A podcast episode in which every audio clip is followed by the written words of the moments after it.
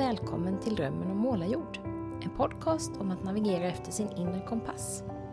Att leva ett liv som känns roligt, rätt och viktigt. Även om det ibland innebär att gå emot andras förväntningar. Eller att ta obekväma beslut. Det kan handla om att förverkliga gamla drömmar. Eller om att fånga tillfällen i flykten när de dyker upp. Att helt enkelt leva livet fullt ut utifrån våra innersta önskningar.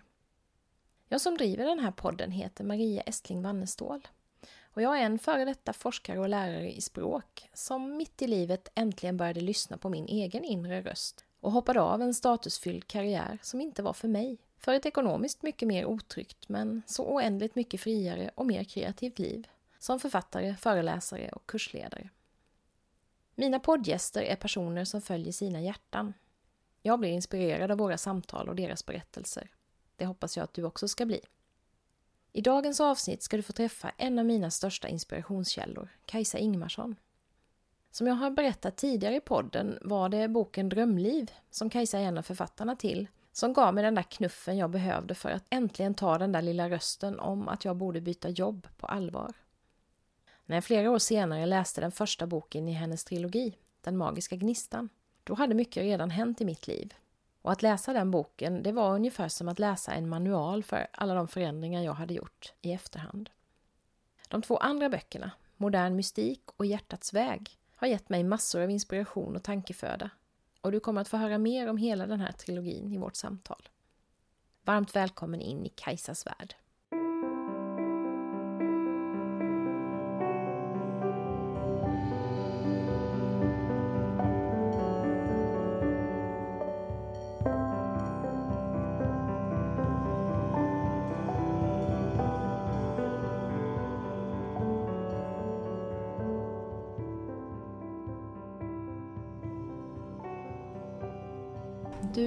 Blivit något av en expert kan man säga på det här som den här podden handlar om faktiskt.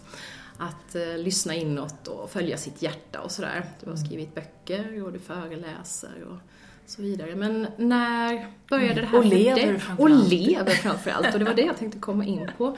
När och hur började du liksom lyssna inåt själv och känna efter vad som var viktigt för dig? Ehm, ja, det, det går ju inte att säga att ett datum eller ett år eller någonting, det är ju en process som...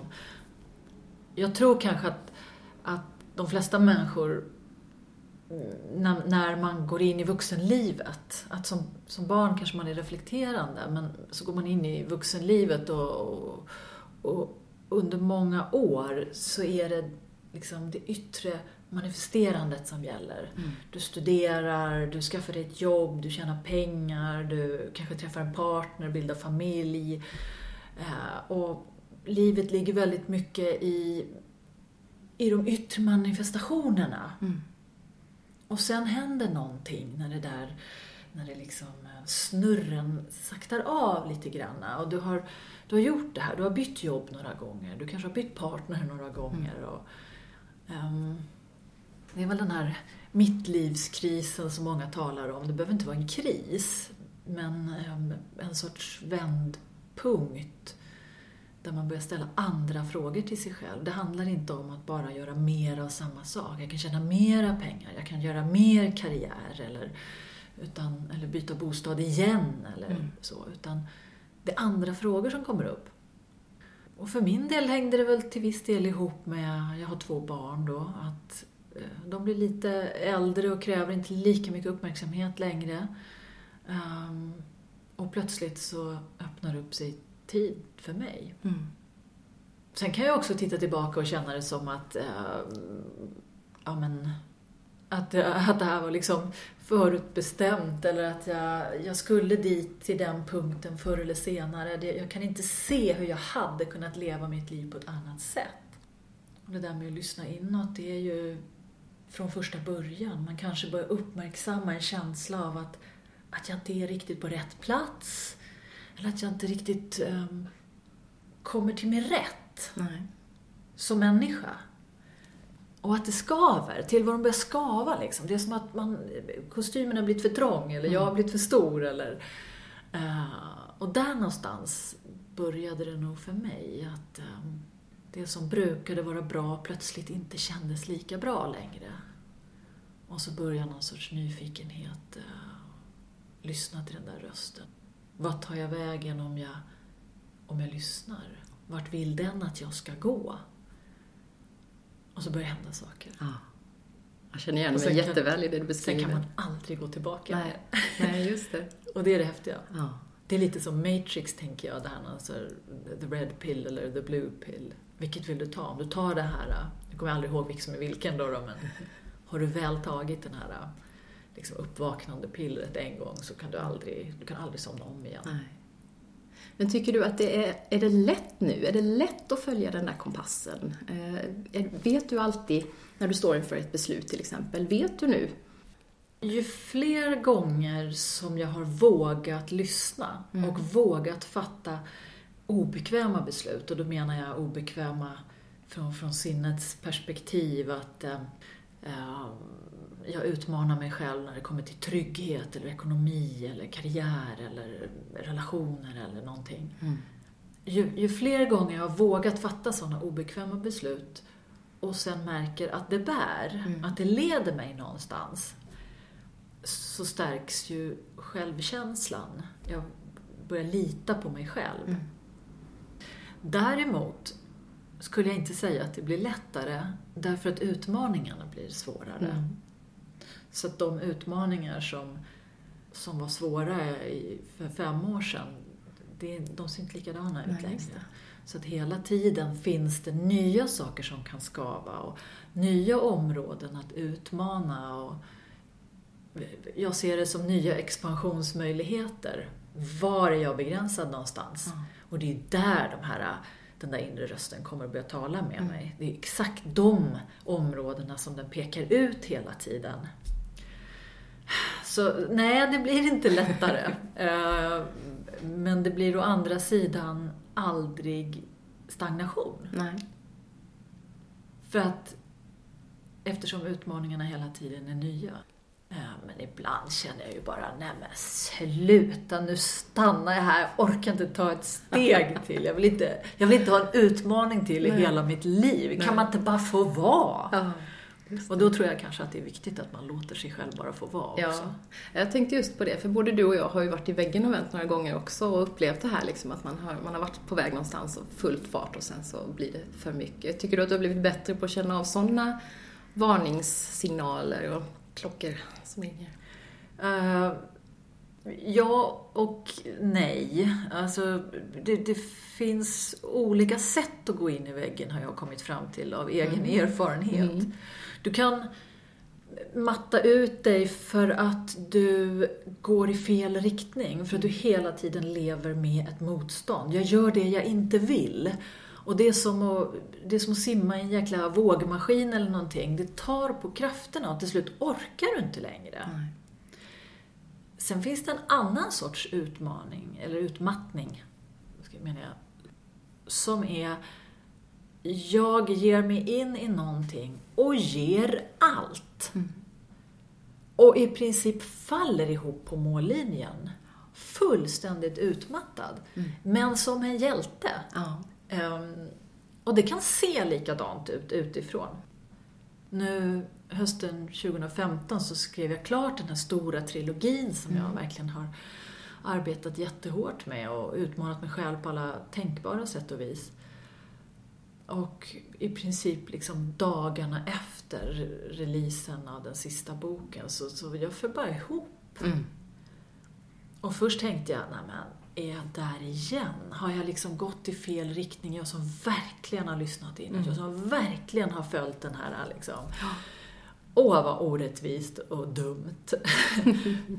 men sen kände jag liksom på kvaliteten i det här, att vilken skillnad det var och, och liksom rasa av jag har gett allt. Ja.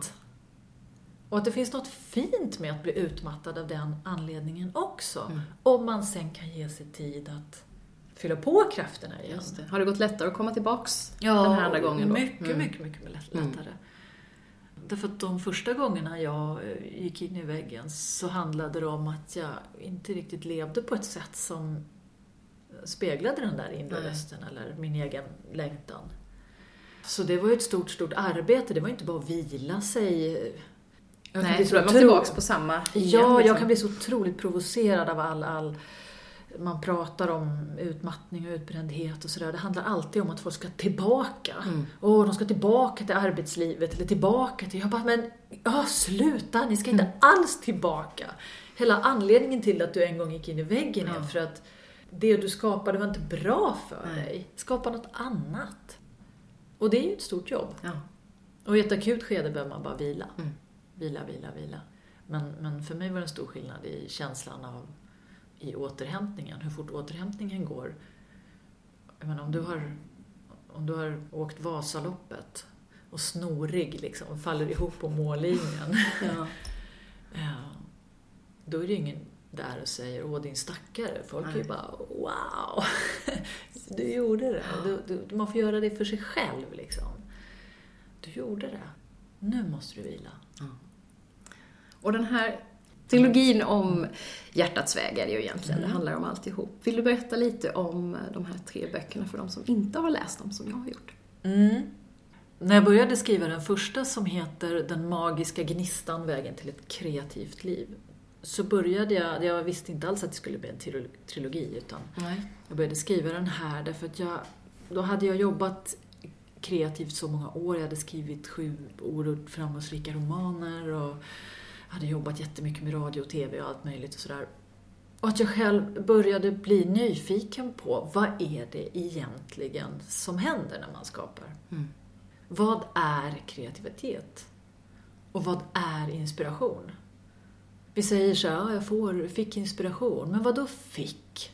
Varifrån? Varför fick du och inte jag? Ja. Liksom, det var massa frågor som började pocka på. Eh, Jag hade liksom försörjt mig på den här mystiska kraften. Och, och så bara, men vad är det egentligen som händer? Så när jag började skriva den så, så var jag väldigt...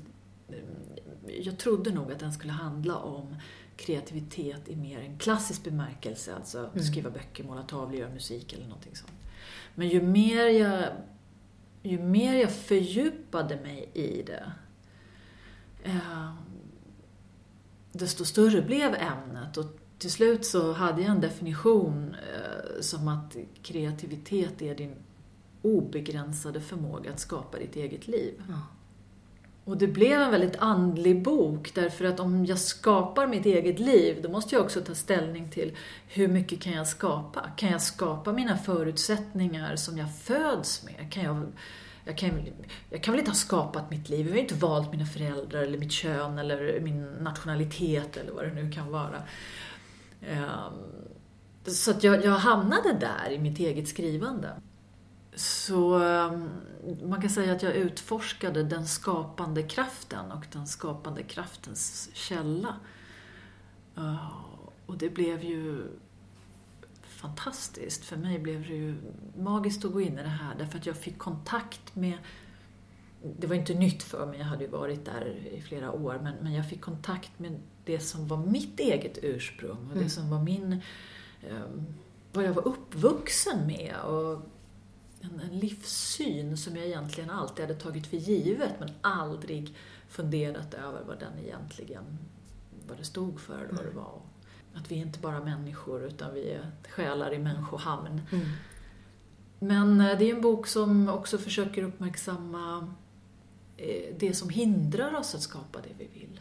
Det- här är inte liksom en bok med tio tips om hur du skriver en bästsäljare, utan, men det är en bok för att uppmuntra till ett nytt förhållningssätt till din egen skapande kraft. Och att, att börja se var jag hindrar mig själv. Och att börja ta ansvar för det. Mm. Medvetenhet och ansvar kommer tillbaka om och om igen i hela den här trilogin. Att Ja, bli medveten om hur jag skapar mitt liv och att ta ansvar för hur jag gör det. Så det var den första boken och den andra boken heter Modern mystik, den dolda vägen till inre klarhet. Och där kände jag att jag ville ta eh, ja, om vi nu ska kalla det för den andliga aspekten. Jag gillar egentligen inte ordet andligt för det blir så flummigt. Jag, jag pratar hellre om människans potential. Eh, Att titta in i den här gränslösa potentialen och att kanske titta på vår koppling till källan. Och det kan ju låta lite, lite storslaget kanske, men vi upplever ju mystiken dagligen de flesta av oss. Vi känner på saker, vi anar saker, vi är med om synkronistiska händelser där saker bara händer så att vi vägleds till det ena eller det andra. Eller du vet, jag tänker på någon och så ringer den personen. Och, eh, och det här är vi med om hela tiden fast för det mesta förklarar vi bort det för oss själva därför att det blir för jobbigt att tänka på vad det var som egentligen hände. Precis, det är en massa slumpar överallt. Ja, så mycket slump så. Mm. Uh, och, och offer. Antingen har vi tur eller så har vi otur. Och de flesta människor har otur hela tiden om man är mm. offer för dittan och duttan. Istället för att se det som att jag skapar förutsättningar för att, eller det här skapar en förutsättning för en någonting. Så den boken handlar lite grann om vår koppling till verkligheten bortom verkligheten. Och jag försöker att göra det så um, jordnära som möjligt. Mm. Jag är inte intresserad av en, eh, av, av en verklighetsfrånvänd new age-filosofi. Eh, det, det finns ingenting i det som tilltalar mig, men fortfarande så bejakar jag min egen upplevelse av att det finns någonting mer. Mm. Och mystiken är alltid subjektiv. Mystiken kan inte bevisas i experiment. Det är därför det är, det är ointressant för, för den akademiska mm. världen att gå dit. För du kommer aldrig kunna göra empiriska studier där du gör samma där du försöker bevisa någonting genom att göra samma experiment och så ska det bli samma resultat och då kan du få en empirisk eh, resultat. Liksom. Mm. Utan den är alltid subjektiv. Det är alltid en upplevelse och den är alltid ögonblicklig och skräddarsydd för just den här stunden. Och vi är alla med om den. Så om, om syftet med den första boken var att göra läsaren medveten om den skapande kraften och vad som håller tillbaka den skapande kraften så var eh, modern mystik, eller är... Jag skrev den mycket för att ge självförtroende till den som vill leva och som mm. vill ta de här äh, intuitiva aningarna på allvar. I ett samhälle, i en kultur där vi inte tar det på allvar, där det inte är värt någonting. Och hur ska jag, hur ska jag våga lita på den där rösten? Mm. När det inte finns några bevis för att Nej. den är på riktigt. Att den ens finns. Att det inte bara är jag som har lite ont i magen. Eller är liksom. lite schizofren och hör Eller lite så, ja. um, så det, det var den, att expandera verkligheten. Ja. Jag tycker du beskriver det så bra. Du är, du, du är bra på det här, just att fånga det här flummiga ovetenskapliga, men göra det på ett väldigt konkret och bra sätt som gör det lätt att ta till sig även för den, tror jag. Så nu har jag hållit på med sådana här saker i så många år, men även tror jag för den som inte är så van att tänka i de banorna så tycker jag du är bra på att beskriva det, så mm. att det blir begripligt. Det har jag fått höra också, att jag är en brygga mellan, jag kommer från den akademiska världen, men jag har en mm. fot i den här flummigare mm. världen också, kanske ännu flummigare än du. Men just att att vara brobyggare däremellan, mm. det tycker jag är ett, eh, ett häftigt uppdrag. Det är många läsare som har sagt, just med modern mystik ja. faktiskt, att många kvinnliga läsare som har sagt mm. att ah, jag måste be min man att läsa mm. den här för att jag tror att han skulle förstå och att den här boken, det finns otroligt många böcker i, i liksom den andliga genren och det är änglar och, och solnedgångar och det är liksom pastelligt och fluffigt och allting. Mm. Och, um, och med det så utestänger man väldigt mm. många människor som inte alls känner sig hemma där, men som fortfarande har samma ja. aningar och är med om samma synkroniciteter och, ja, och har en stark intuition och, och en vägledning inifrån. Mm. Um, och som bara behöver stärkas. För mig är hela den här delen, den intuitiva delen, och det kommer sen i tredje delen också, mm. eh, men även i, i modern mystik, Eh, kopplat till den feminina visdomen. Vi, vi har yin och yang. Allt i universum är uppbyggt på, på de här två principerna. Och, och vi kan kalla den ena feminin och den andra maskulin. Mm. Att vårt sätt, i vår kultur, så bortser vi helt från det inre vetandet och baserar oss bara på kunskap. Mm. Det är det enda som är värt någonting. Och det är väldigt konstigt eftersom mm. vi faktiskt dagligen låter oss styras av mm. någonting annat. Och det där finns eh, många förklaringar till. Det, det, det har att göra med, med, eh, med de grekiska filosoferna och hur man hyllade förnuftet mm. och hur det har blivit styrande för den västerländska kulturen och eh, hur förnuftet den rationella mannen var idealet mm. och den irrationella känslosamma kvinnan var motpolen. Med sin PMS. Ja. Mm. Och idag kan vi säga att ja, men PMS, om vi nu ska ta det, Tänk om det är ett evolutionärt instrument för att vi ska kunna vara hyperkänsliga. Ja. För att vi ska kunna lyssna till så små signaler. Eh, så att, så att vi ska kunna fatta beslut som går bortom det rationella. Ja, spännande. Eh, och att balansera det med kunskap. Jag, jag vill inte att vi ska bortse från kunskap. Jag älskar vetenskap och kunskap. Men eh, om vi tar bort vårt eget inre vetande ur ekvationen, då blir det bara... Det blir tomt. Det blir helt tomt. Mm. Och vi blir tomma. Mm.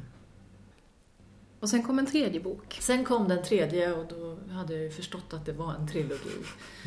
Eh, och den heter Hjärtats väg. Att hela och hela med kärlekens kraft. Och det där var jobbigt när den titeln kom. Mm. För att vara sådär, åh nej, inte kärleken, jag orkar inte kärleken. um, och jag förstod ju snabbt att eh, det är inte kärleken i bemärkelse, i romankärleken. Nej. Det är inte hon och han eller eh, ens, ens kärleken mellan vänner och människor bara, utan det är den stora kärleken. Mm. Vi pratar Jesus älskar alla barnen, kärleken. Mm. Undertiteln säger mycket. Ehm, att hela och helas med kärlekens kraft.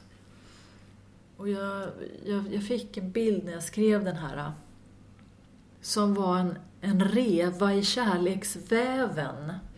Att varje människa som lever, som inte lever i acceptans av sig själv eh, skapar en, en reva i det som är det stora alltet. Mm. För eh, kraften vi kommer ur, den villkorslösa kraften vi kommer ur, att få liv, är en villkorslös gåva speglad också i den biologiska tillblivelseprocessen där vi mm. faktiskt får en droppe blod från vår mamma för att kunna skapa vårt hjärta. Mm. Vi skriver aldrig på något kontrakt för att vi ska ha det där hjärtat till eller vad vi ska göra med det här livet utan vi bara får det. Och, och, sättet att hedra den här gåvan är att fortsätta att låta den här villkorslösa kärlekskraften flöda igenom oss i allt vi gör, i våra relationer, i vårt förhållande till naturen, i allting. Men, uh, men så fort vi inte gör det så är det som att det går sönder någonting. Mm. Och min bild av, av världen är att det är så trasigt. Mm. Den här väven som skulle kunna vara så bara ett enda flöde. Ehm, den är inte det. Mm. Den här kraften får ta omvägar hela tiden. Det är återvändsgränder överallt. Och när jag jobbade med den här boken, och jag har skrivit den tillsammans med Jörgen Tranberg som är naturläkare och eh, som är väldigt kunnig i kvantfysik och neuropsykologi, biokemi, så vi har hela tiden kopplingar också, broar över i det akademiska, ja. även om det är... Ja, det är jättespännande att läsa. Um, och ju mer jag liksom fördjupade mig i det här, kärlekens kraft, um, desto närmare kom jag definitionen av den som ren acceptans. Mm. Att acceptera allt som är. Att mm. acceptera mig själv. Att acceptera mig med uh, precis som jag är. Och det låter så självklart. Det, blir, mm, det, det är, så är svårt så att prata svårt. om det utan att hamna i klyschor. Ja, ja, och svårt att skriva om det utan mm. att hamna i, i klyschor. Men min, min upplevelse och så, vad jag fick med mig ut ur skrivandet var verkligen att uh, acceptansen är nyckeln till allt. Mm. När vi pratar om villkorslös kärlek, den närmsta definitionen vi kan komma är acceptans. Mm. Och när jag kan börja acceptera det som är och det här är en sån paradox. För, för att hela mig själv och hela det jag har omkring mig och världen, om vi ska prata så, så, så måste jag börja i acceptansen. men samtidigt ha visionen av vart jag vill någonstans. Mm. Och den här paradoxen att acceptera någonting samtidigt som jag har en vision om någonting annat. Hur går det till? Det är precis det jag jobbar med. ja, Ja, jag jobbar med ACT, Acceptance and Commitment Training, och det är precis just det det handlar om. Acceptera det du inte kan förändra så att du frigör energi att förändra det som går mm. att förändra. Och det låter ju så fruktansvärt enkelt och det är Mm. så fruktansvärt svårt. Mm. Mm. Men det är det det handlar om. Och det minns jag, jag läste någonting av dig för flera år sedan och så tänkte jag, ah, Kajsa hon är en ACT-människa. Mhm. Det stämde så väl in på det vi höll på med just då. Ja, vad spännande. Du, jag tänkte på en annan sak. När jag träffade Camilla Davidsson och intervjuade henne för ett tag sedan så berättade hon när hon skrev sin första bok hur hon kände sig liksom buren när hon skrev. Eh, Och det får jag en känsla av, eller jag har läst om det i dina böcker också, att det är inte så att du bara suttit här och hittat på en massa saker. Utan du har också känt det här att det är någon kraft som flödar i dig i själva skrivprocessen också. Ja, Eller hur? Alltså jag, jag, jag skulle säga när man skriver en bok, vad det än är, för, för, eller gör vad som helst kreativt, men att till en början så är det bara en energi Mm. som du fångar upp någonstans. Ditt innersta jag hakar i den här energin. Det skapas en angelägenhet i dig, en sorts rastlöshet, någonting. Du, du liksom kopplar upp dig på den här energin. Mm. Och det är inte en bok. Nej. Det är ingenting.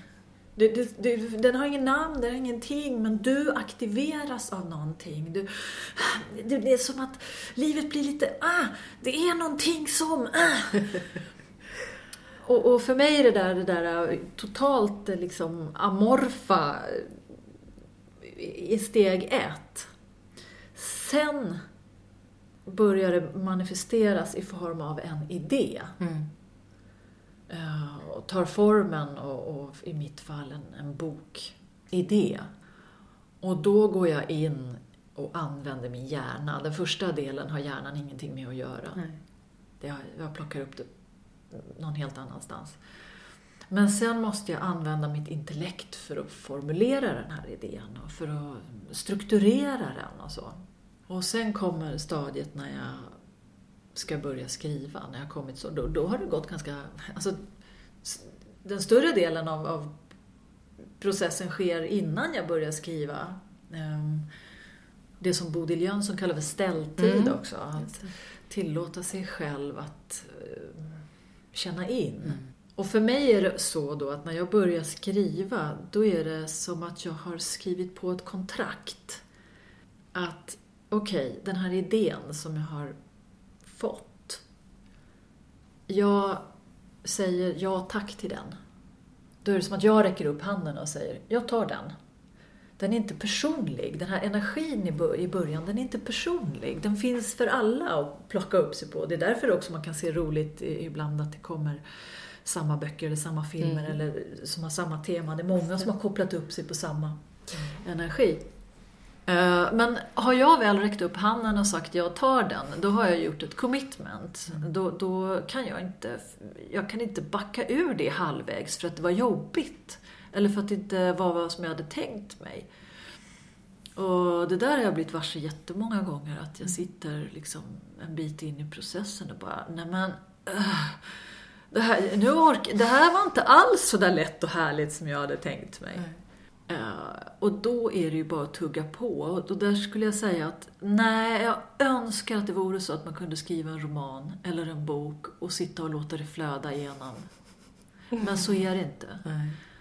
Men som med den här trilogin så kände jag så otroligt många gånger att, att jag, att människan Kajsa var liksom som flaskhalsen i den här kreativa processen.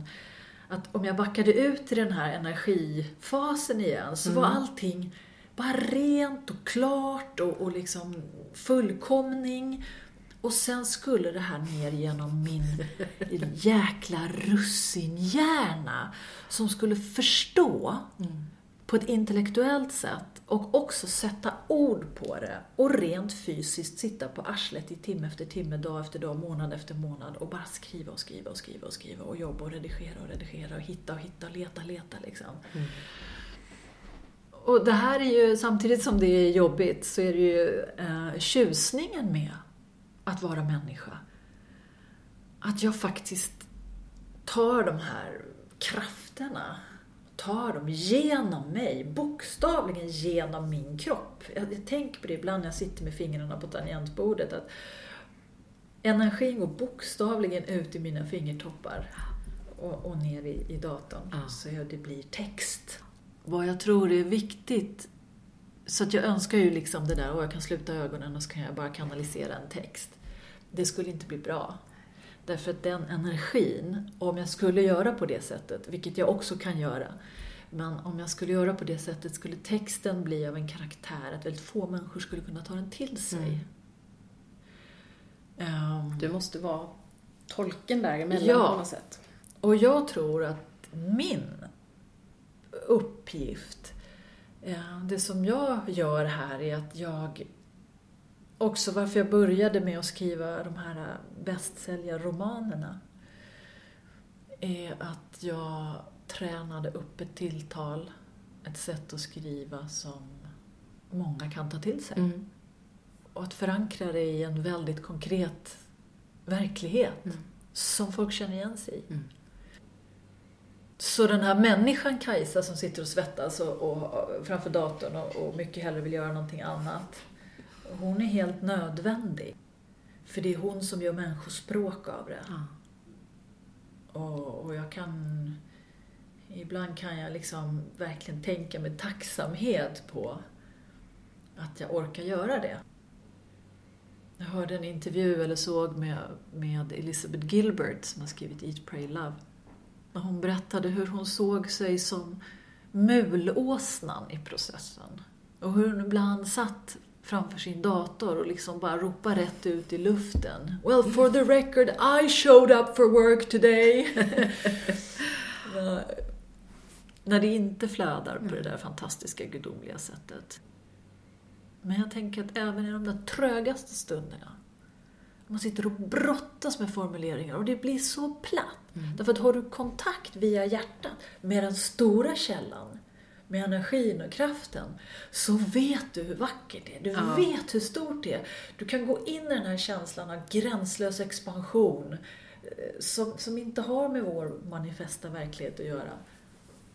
Och så ska du liksom få ner allt det där i den här tröga materian med ord och bara blä, Ja. blä, blä.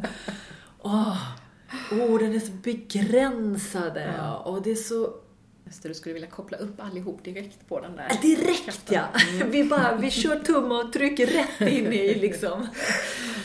Ja, men, men det finns en, en fantastisk tjusning i det. Och, och, och apropå det som vi pratade om, utmattning. Att, att liksom falla ihop på mållinjen som jag gjorde efter arbetet med den här trilogin. Jag kan känna att jag hanterade enorma mängder energi Mm. under, under fyra år. Eh, där jag var tvungen att expandera mm, mitt eget medvetande by the minute. För att ta ner och för att tolka och för att förstå. För jag var ju tvungen att förstå det själv Mm. också. Och det, när jag skrev Hjärtats väg som också innehåller väldigt mycket kvantfysik till exempel och det handlar mycket om det universella hjärtat och vår koppling till, till kosmos. Och, och det var ju delar jag fick av Jörgen. Och det hade ju varit praktiskt om jag bara hade kunnat, om han hade kunnat skriva sina delar. Då visade det sig att han var ordblind. Just så det. det gick inte. Han kunde inte skriva. Nej. Så att han spelade in sina delar och jag skrev ner dem. Men jag förstod väldigt tidigt att det var som en, en, en deal i det här. Att jag får inte skriva någonting som jag inte själv har förstått. Nej. Jag fick inte bara citera eh, någonting som han sa för att det lät bra. Utan hade jag inte förstått det så fick det inte stå med i Nej. boken. Det var verkligen som, som the, the cosmic deal liksom, i det hela. Och, och jag höll på att bli galen. På, på liksom ett halvt års tid skulle jag sätta mig in i, i kvantfysik. Jag skulle lära mig skillnaden på svart materia och svart energi. Och, och jag skulle förstå olika signalsubstanser och skillnaden på serotonin och dopamin och adrenalin och jag skulle gå in i ja, jag vet inte hur mycket kunskapsområden. Men det, ja, Ja. jag tror inte jag har lärt mig så mycket sen. Någonsin. Nej, just det. Nej, och det taggar in lite i min nästa fråga, för jag tänkte på det här, jag har ju bytt identitet på sätt och vis. Jag har haft liksom en auktoritet som forskare, som lärare, släppt den för att ge mig in i ett helt nytt område där jag är nybörjare. Eh, jag, beskrev, jag hörde Lena Andersson beskrev det här så bra när hon skriver en bok. Hon sa det, när man har avslutat sin bok, då är man ju expert på den. Man vet allt om den. Och sen ska man börja på en ny och så ska man liksom ner där på botten igen och börja kravla sig upp.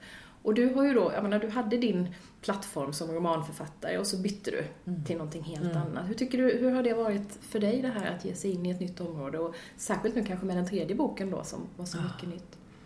Nej, alltså det är ju tur att jag inte är syokonsulent kan man säga. Mm. För det här var ju, ett- alltså, om man bara tittar till karriär så var det här fullständigt irrationellt. Men varför lämna någonting där jag var uppskattad, framgångsrik, jag blev förmögen på det. eh, Jag hade otroligt mycket läsare och, och, och liksom de- den glamouren och uppskattningen och, och bekräftelsen som följde med det. För att gå in i det här, bara ledd av min egen intuition och min egen nyfikenhet och längtan. Och det var ju inte bara att byta genre. Då hade jag skrivit sju romaner och jag, jag visste att jag kan skriva romaner. Jag kan det här. Det är ett hantverk, jag kan det. Och jag har haft otroligt roligt. Jag var vägledd in i det, jag har haft fantastiskt roligt. Men nu finns det ingen energi kvar för mig här längre. Den kanske återkommer någon gång, men det fanns inte där då. Jag verkligen försökte. Jag satt ner och försökte skriva. Och det gick inte. Eh, Så, så tydlig är min intuition. Jag har u- utvecklat den så mycket så att numera kan jag inte ens. Jag har inte ens en växel där jag kan tvinga mig till saker. Utan det blir som att det blir stopp bara. Och det hände. Och så in i det här nya som ju gav mig otroligt mycket glädje. Jag är så fantastiskt stolt över vad jag gjorde. Och jag tycker att de här böckerna är, är ja, det, det är mitt legacy. Det här är, Mm. Det här är mitt bidrag. Men jag fick ju börja, jag hade inte kvar mitt förlag, inte min agentur, inte mina läsare, ingenting. Nej. Det var ju början, fullständigt från början. Och det har, det har varit jättetufft. Ja. Börja om och, och liksom, ah, okej, jag måste ut, jag måste föreläsa. Jag som hade liksom bestämt mig för att nej, men jag orkar inte föreläsa för att det tar för mycket energi för mig. Och, det var bara ut med dig. Nu är jag jätteglad för det, för jag tycker det är väldigt roligt att föreläsa. Dina gamla läsare, eh, vad har du fått för reaktion från dem?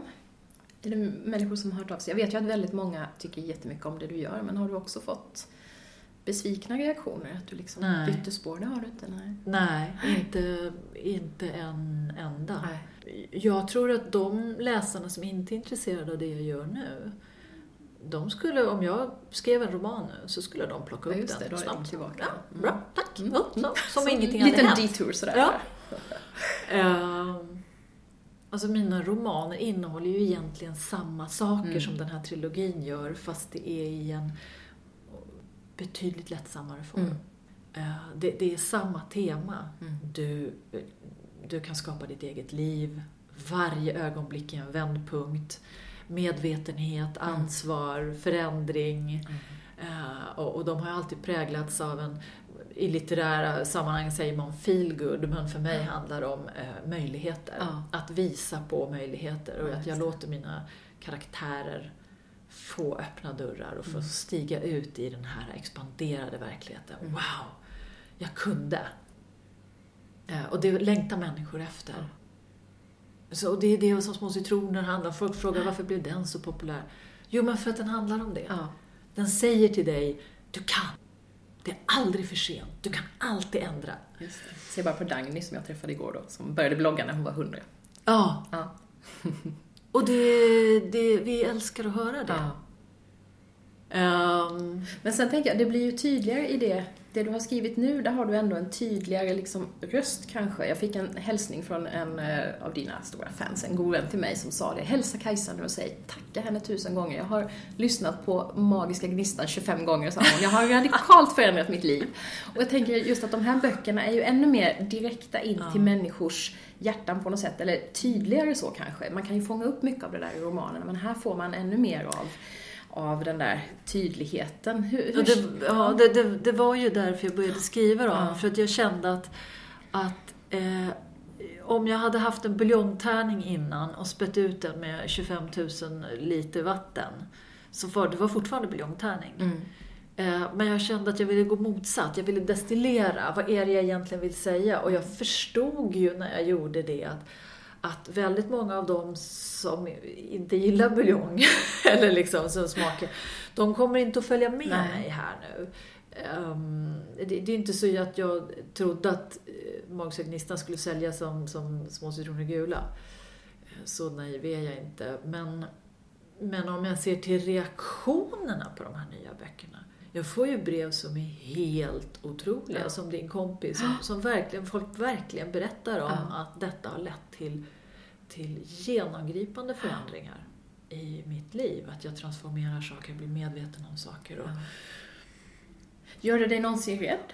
För jag har fått den reaktionen också av, av människor som har sagt att nu har jag också sagt upp mig, ja. som du har gjort. Och så tänker jag, hjälp, tänk om inte det här blir bra nu. Ja. Så är det jag som har inspirerat. Det var någon som sa, ja det är du och Deepak Chopra och sånt där. Ja. Wow, hjälp. Ja. Hur känner du inför det? Det är ett stort ansvar. Mm. Och, och det är därför som jag hela tiden jag skriver ingenting ur teori. Jag skriver bara ur erfarenhet. Mm. Och det är det enda jag kan ge. Det här är min egen sanning. Mm. Det bygger inte på religion, det bygger inte på andras sanningar. Det, det bygger, däremot så snuddar det vid väldigt många gamla visdomstraditioner, österländska eller religiösa eller vad det nu kan vara. För att, därför att eh, mänsklighetens sanningar är liksom stöpta i många olika former men det är samma kärna vi upplever. Mm. Uh, men för att stöpa den i Kajsa-formen så var jag, jag var tvungen att leva det här. Mm. Alltså böckerna, det har inte bara varit att skriva böckerna. Jag har ju levt, när jag, ja. när jag pratar om hjärtats väg till exempel, att förstå kärlekens kraft. Ja. Så var jag tvungen att gå in i det själv. Och för mig var det det sista steget. Att att förstå vad, okej, okay, nu har jag tittat på den skapande kraften. Jag har tittat på källan, eh, mystiken, jag har gått in i verkligheten bakom verkligheten. Jag, jag får ihop de här delarna. Okej, okay, vad är drivkraften i mm. alltihopa? Mm. Mm. Och så landar jag i kärleken. Och då går det inte bara att sitta liksom på sitt eh, lilla kontor och vara teoretiker. Nej. Då måste man gå ut och vara. Du måste gå in och, och det är... För, för mig är det verkligen, jag, jag, jag lever som jag lär och jag måste leva det mm. innan jag lär det. Mm. Jag kan inte gå ut och undervisa det även när jag jag håller ju resor också mm. och leder meditationer och håller föreläsningar. Och det människor svarar på, vad jag har märkt, det är det som är äkta. Mm. Jag kan aldrig i längden lura någon att följa mig om, om jag säger det här, den här vägen. Om jag pekar ut den. Mm. Uh, om jag inte har vandrat den själv så... Du ska och, gå dit, men jag går så. Ja, jag, jag väntar här, du kan gå där. Nej, så att, det är ett stort ansvar, jag håller mm. verkligen med dig. Ibland kan jag också få hjärtat i halsgropen när, när människor säger att de har tagit steg. Men, men min tilltro till människors förmåga att fatta egna beslut. Mm. Det, också, det ingår också i den filosofin jag, jag undervisar i, min mm. egen. Att, att um, var och en bär ansvar för sitt liv. Mm. Och um, Jag kan väl säga att jag undervisar på en ganska avancerad nivå. Mm. Det finns steg du kan ta innan mm. du kommer hit. Och det är ingen quick fix det här? Det, det här är verkligen helt, ingen, Det finns inga... Det slutar, kapitlerna slutar inte med en liten meditation och så är du klar med det, eller en liten övning eller, eller några små lister. Utan att läsa den här trilogin är att långsamt expandera ditt eget medvetande. Mm. Ta till dig tankesätt Mm. och se vad landar i mig, vad landar i mig, vad landar i mig. Mm. Liksom. Och det som inte landar, pff, det blåser bort som damm. Då är man antingen inte där själv eller så är det inte sant för mig. Nej. Och där har jag full tilltro till att, eh, att det, som, det som ska landa, det landar. Jag fick en väldigt fin komplimang av en läsare som sa att när jag läser din bok så är det som hundra sidor på varje sida.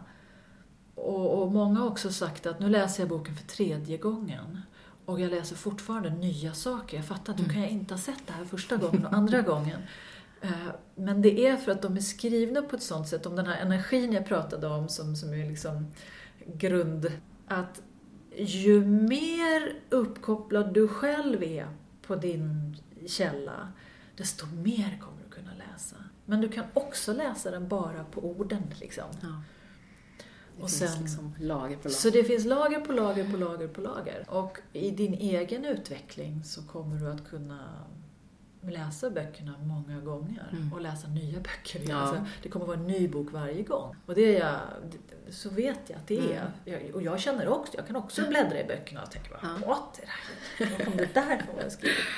Mm. Ja. Ja, häftigt.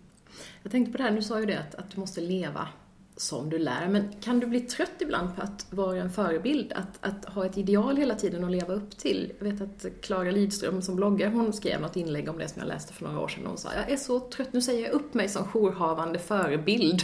Och så tyckte hon också att det är så typiskt kvinnliga förebilder. Män kan liksom komma undan. Vi måste, vi måste se ut på ett visst sätt. Vi måste väga vartenda ord vi säger offentligt på guldvåg. Och jag hörde Maud Olofsson igår också i det här sommarpratan. Hon pratade också det här om skillnaden mellan män och kvinnor när det gäller att vara ja, förebilder eller offentliga eller så. Att vi, vi har liksom hela tiden ett ideal att, förhålla oss till. Hur känner du inför det? Jag kan väl, om jag då tittar på vad är det jag företräder, vad är det mina följare, läsare förväntar sig av mig, så kan jag väl ana det. Eh, Jag kan se om jag skriver Facebookinlägg så kan jag ju se vad som, vad som folk känner så här, ja! Och vad som passerar liksom. Eh, De vill inte att jag är ironisk. Nej. Eh, och jag som kommer faktiskt från humorvärlden, jag Ja, började med att göra humor på TV och radio. Det är inte uppskattat här, utan det ska vara innerligt och det ska vara ganska känslosamt och ganska allvarligt. Mm. Och, och ibland kan jag bara stoppa fingrarna i halsen på det där och bara Mm. vilja lägga en pruttkudde under armen och liksom eh, vråla liksom. Så jag är ju i en, i en liksom ständigt, om vi pratar om acceptansen som jag nämnde förut, att acceptera mig själv som jag är. Mm. Det är ju en all, alltså det är ju en evig process. För att vara människa innebär att jag lever i polaritet. Jag är inte perfekt. Då får jag ge mig ut i den här verkligheten bortom verkligheten. Där kan vi mötas och vara eh, perfekta. För där finns ingen polaritet, där finns bara ett tillstånd. Det är unipolärt. Här nere på jorden, i det vi kallar för verkligheten, så existerar inte perfekt. Och jag kommer aldrig att bli perfekt. Hur mycket jag än vet om kärlekens helande kraft och acceptans och självkärlek eller, eller skapelseprocessen eller medvetandet, ansvar, allt det här. Hur mycket jag än vet om det så gör jag dagligen misstag. Jag, jag kliver dagligen över det jag själv vet och beter mig liksom. Och man blir irriterad och frustrerad och småsint och missundsam och eh, sur eller eh, jag skulle kunna räkna upp mina dåliga sidor i en timme här. Ehm, och om folk vill att jag inte ska vara sån, ja, jag är ledsen men då får ni leta efter någon annan Mm. än lärare för att eh, jag har fel. Och då är du på sätt och vis den allra bästa förebilden också. För då lever du på det viset som du lär. Jag hoppas att jag kan lära ut det. Ja. Eh, och det är det som jag märker när jag har haft grupper eh, mycket och på resorna och så att, att är det någonting som skapar transformation så är det att landa i den tanken att jag inte behöver vara perfekt. Ja. Det, jag kan nästan se det rent fysiskt på människor när den ramlar ner, den Mm. insikten. Det är, som att, det är som att man lyfter bort ett grustag ur bröstet på människor. Det är som att... Och även om det bara varar en sekund, den insikten, har man väl fått fatt i den, att veta ah, det den känslan, den finns tillgänglig.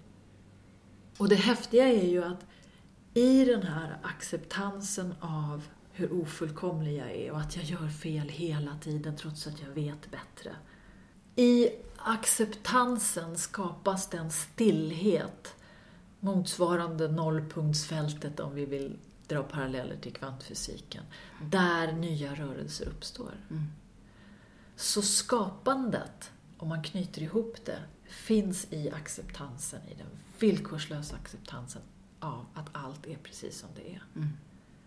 Dit vill jag ta människor. Ja, jag tror att du är en jättebra person för att göra det också.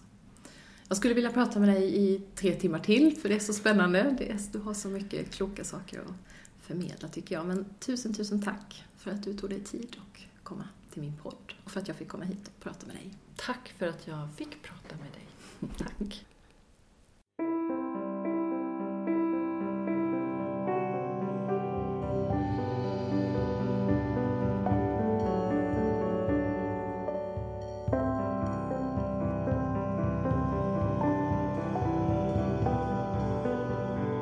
Alltså lyssnat på ett samtal med Kajsa Ingemarsson och jag hoppas verkligen att du blev sugen på att läsa hennes böcker.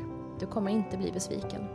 Förutom att de är väldigt intressanta och välskrivna så är varje bok också som ett litet konstverk med Kajsas egna vackra bilder som illustrationer till det hon skriver om. Det gör det extra roligt att läsa dem. Jag har tänkt på det att jag ser på varje avsnitt i den här podden sådär lite som ett konstverk. Som en gåva jag vill ge mina lyssnare. Exempelvis genom att klippa bort så mycket som möjligt av det som stör lyssnandet. Genom att välja bort reklam för att inte bryta magin i ett samtal.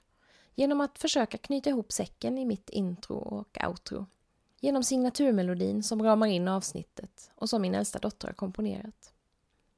För en tid sedan fick jag själv förmånen att medverka som gäst i en alldeles nystartad podd, Leva gott, som handlar om att göra skillnad i världen och må bra under tiden. Den drivs av Lisa Moreus som var min samtalspartner i avsnitt 4 av Drömmen om målarjord. I Lisas podd fick jag berätta om vilka röda trådar jag hade hittat hos mina gäster. Vad det är som kännetecknar människor som följer sin inre kompass och förverkligar sina drömmar. Det här är några av de saker jag kom fram till att många av mina gäster har gemensamt. De lyssnar på sin inre röst och de tar den på allvar. De stannar då och då upp och reflekterar över vart de är på väg. Kanske måste kompassriktningen justeras om magkänslan säger så. De följer sina hjärtan även när det känns lite obekvämt. Till exempel för att det går emot andras förväntningar på dem. Eller genom att de vågar vara lite good enough, inte vänta tills någonting är perfekt. De har en stark passion, drivkraft och envishet och ger inte upp i första taget. De är kreativa på olika sätt, inte nödvändigtvis i traditionell bemärkelse, genom att ägna sig åt ett typiskt kreativt yrke. Det kan lika gärna handla om att vara en yogalärare som låter sina yogisar sitta på en stol om de behöver det. De har också en vilja att bidra med något gott till världen, som att jobba ideellt för andra människor, sprida yogan till nya målgrupper, skapa mötesplatser eller måla tavlor med färgstarka kvinnor för att bidra till att stärka kvinnors självkänsla. Jag är lite nyfiken på vad just du som lyssnar går och drömmer om, vad din inre röst säger till dig. Berätta gärna i en kommentar till det här avsnittet på Drömmen om målarjords Facebook-sida. Och tipsa mig hemskt gärna om gäster du skulle vilja lyssna på här i podden. I nästa avsnitt träffar jag Jonas Nordqvist som forskar om bland annat intuition och att följa sin inre kompass vid Arizona State University i Texas. Missa inte det. Tack för att du har lyssnat och välkommen tillbaka.